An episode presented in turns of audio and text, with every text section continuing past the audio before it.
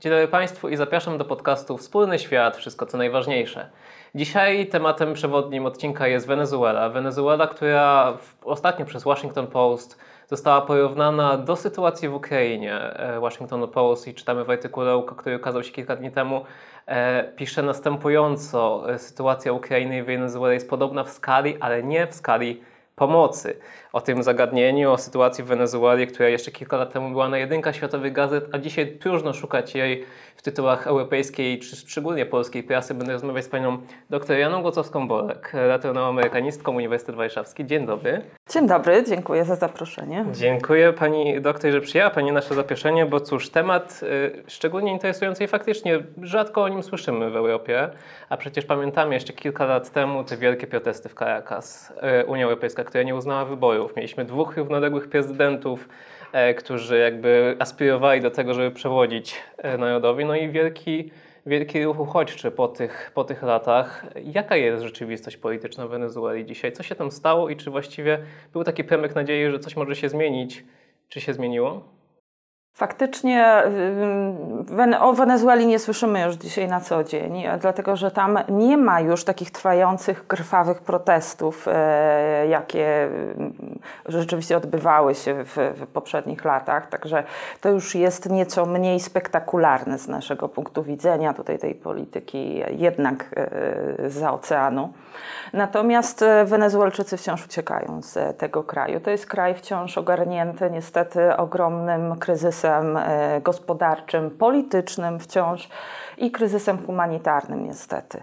E, szacuje się, że od 2014 roku, czyli od momentu, gdy no, zaczęło dziać się zdecydowanie źle i ta sytuacja pogarszała się z miesiąca na miesiąc, to z Wenezueli wyjechało 6,8 miliona osób.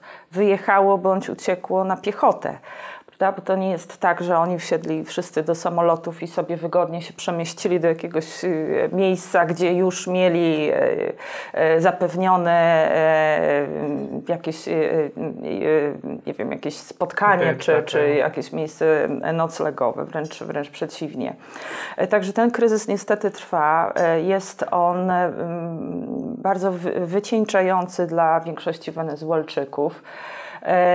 Faktycznie te, był taki moment, e, e, to był 2017-2018 rok, gdy Wenezuelczyków wstąpiła taka nowa nadzieja, e, że będą te przemiany, że rzeczywiście da się coś zmienić. Przypomnijmy, że w, po wyborach takich, które nie zostały uznane za, za przeprowadzone demokratycznie, gdy Nicolas Maduro po raz kolejny zasiadł na fotelu prezydenckim, to y, doszło do właśnie pojawienia się takich, takiej dwuwładzy równoległych i rządów i prezydenckich. Tam był, był e, też prezydent e, opozycyjny, no, który, który z racji tego, że był przewodniczącym e, parlamentu wówczas, no, jakby no, uznając, tak, i tu część prawników e, e, jakby szła e, tym tropem tego, tego wyjaśnienia, uznając... No, był Europie, tak, że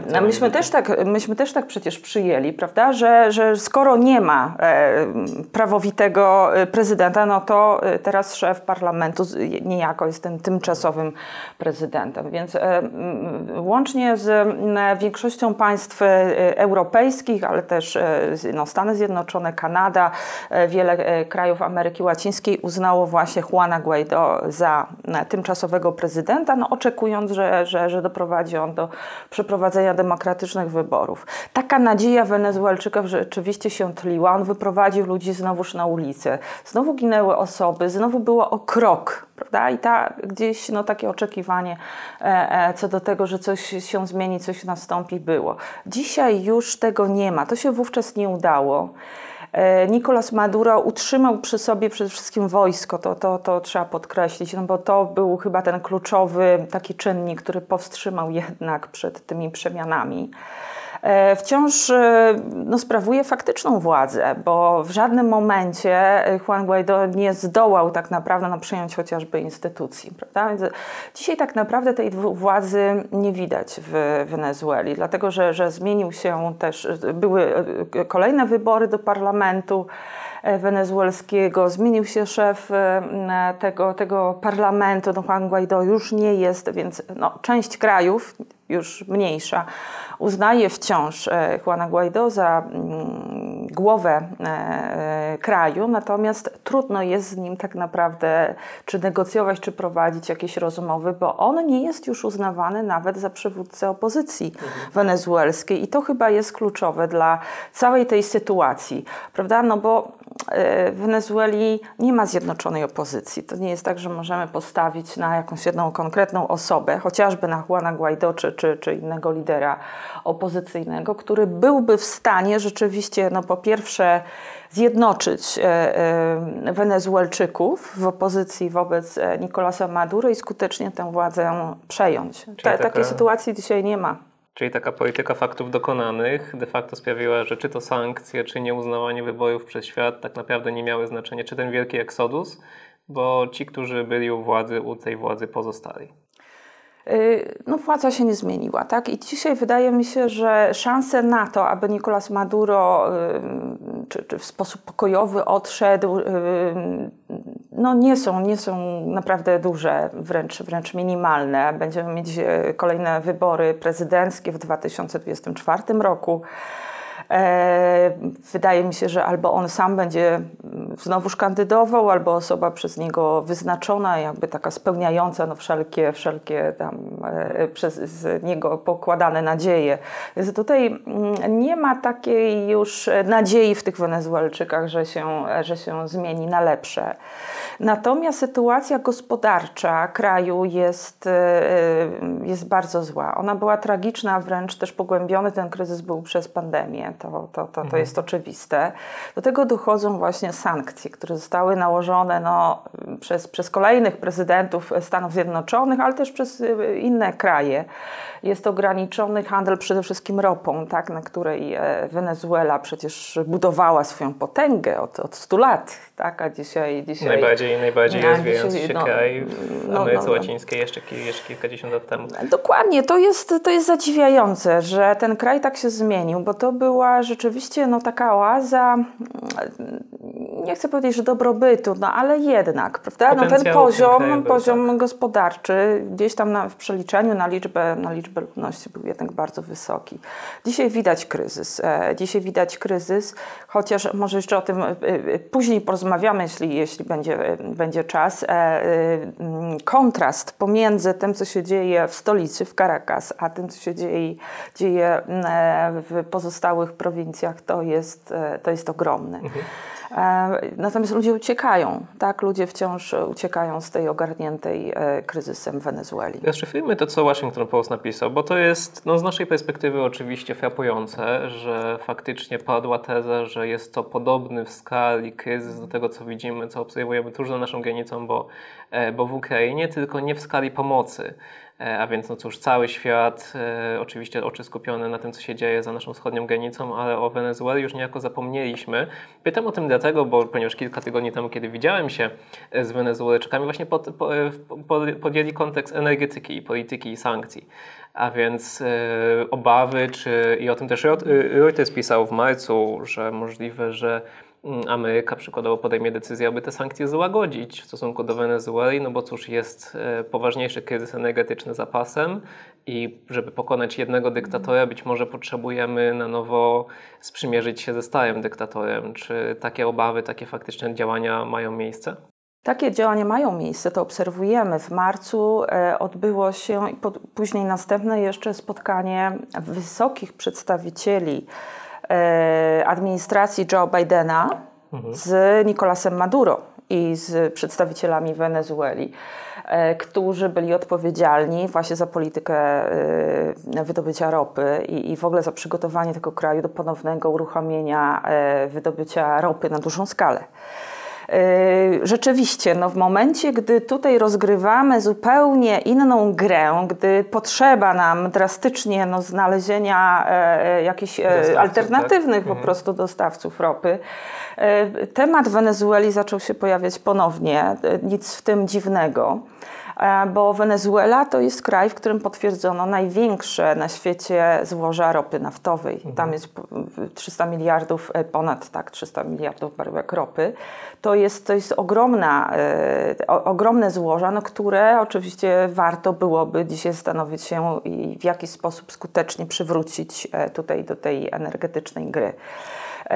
Przed, jeszcze przed nałożeniem sankcji, przed, przed tym ogromnym kryzysem, to Wenezuela wydobywała gdzieś, e, powiedzmy, na początku e, obecnego stulecia, to było 3,7 miliona baryłek ropy rocznie e, mniej więcej 80 czy 90% w ogóle przychodów z eksportu Wenezueli to były, to były przychody z ropy naftowej, więc po prostu dla nich to jest, to jest coś, coś absolutnie najważniejszego.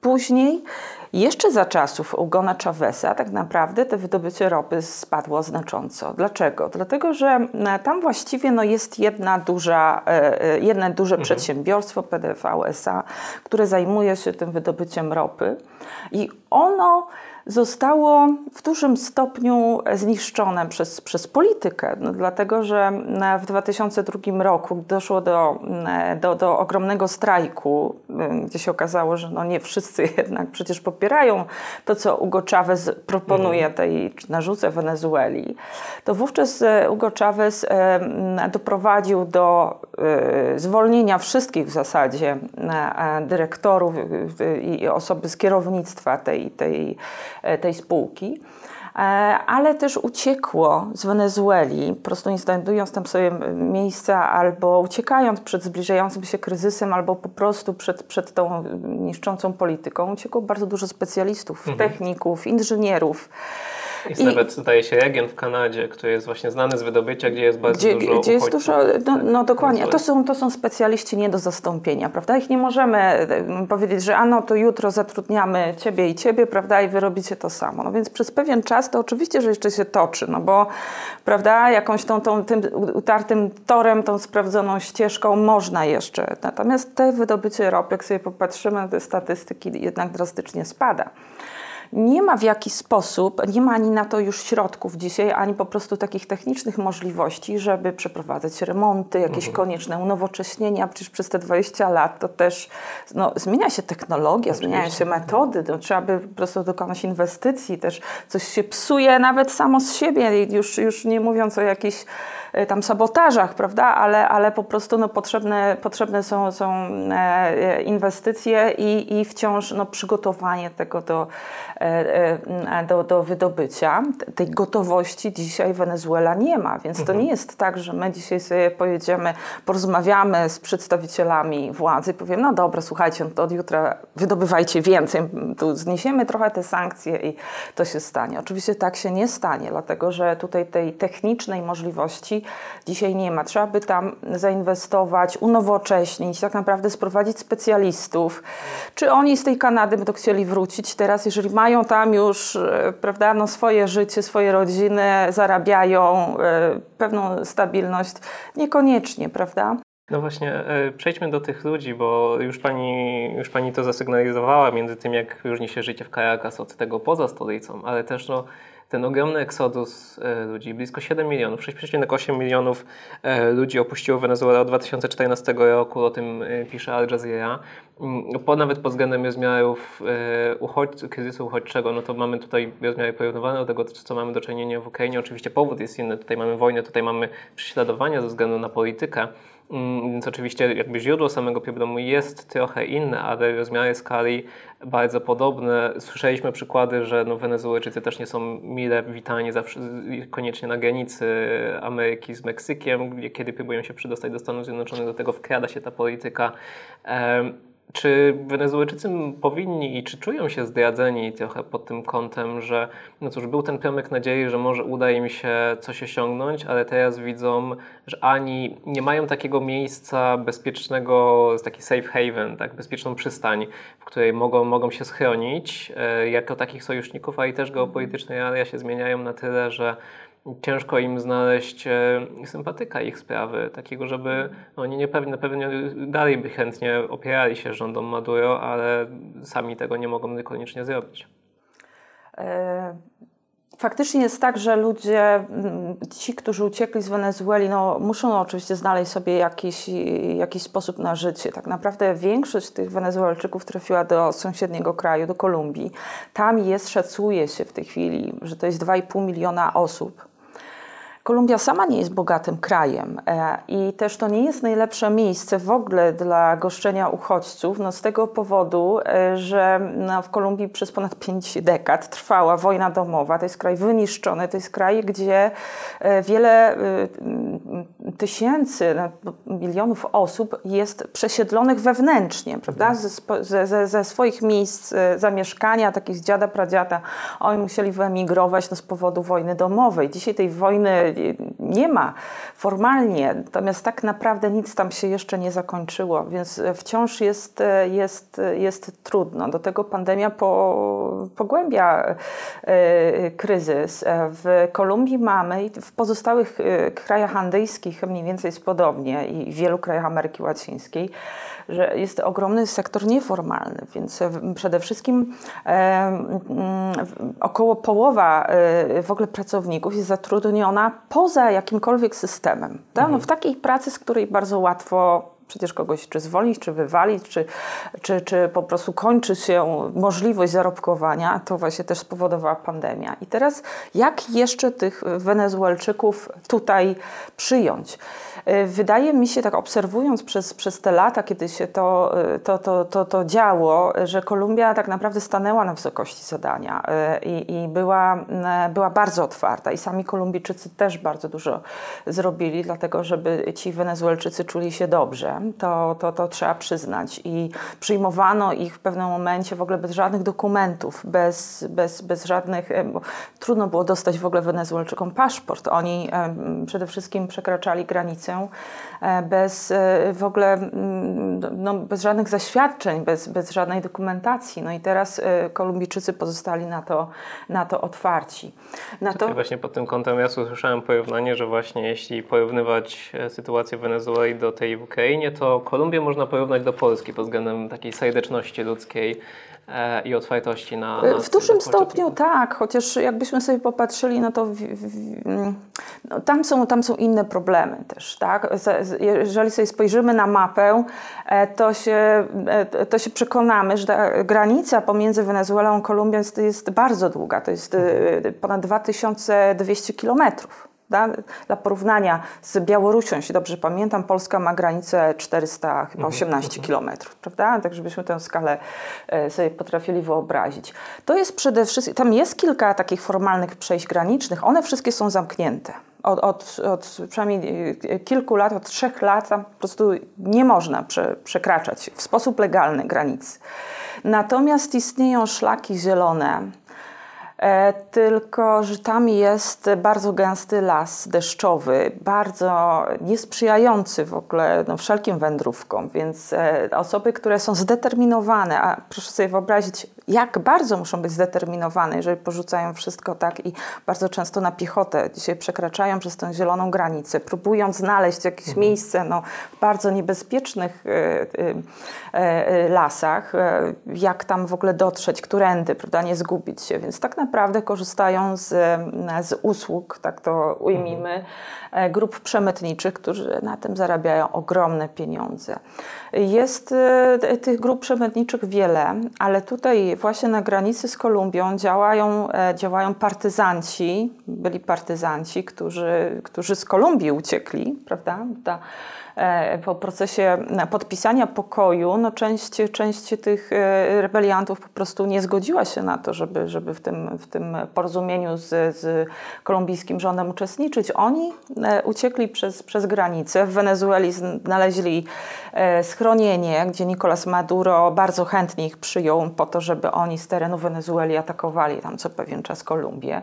A to są kraje bardzo wrogo, no, były kraje bardzo wrogo do siebie nastawione. Natomiast ci kolumbijscy mm, e, byli partyzanci. Oni e, trudnią się też oprócz przemytu narkotyków, e, również przerzucaniem ludzi przez, przez granicę. E, niestety, ale duża część Wenezuelczyków jest poddana ogromnej przemocy. To dotyczy przede wszystkim e, e, dziewcząt, kobiet, osób małoletnich.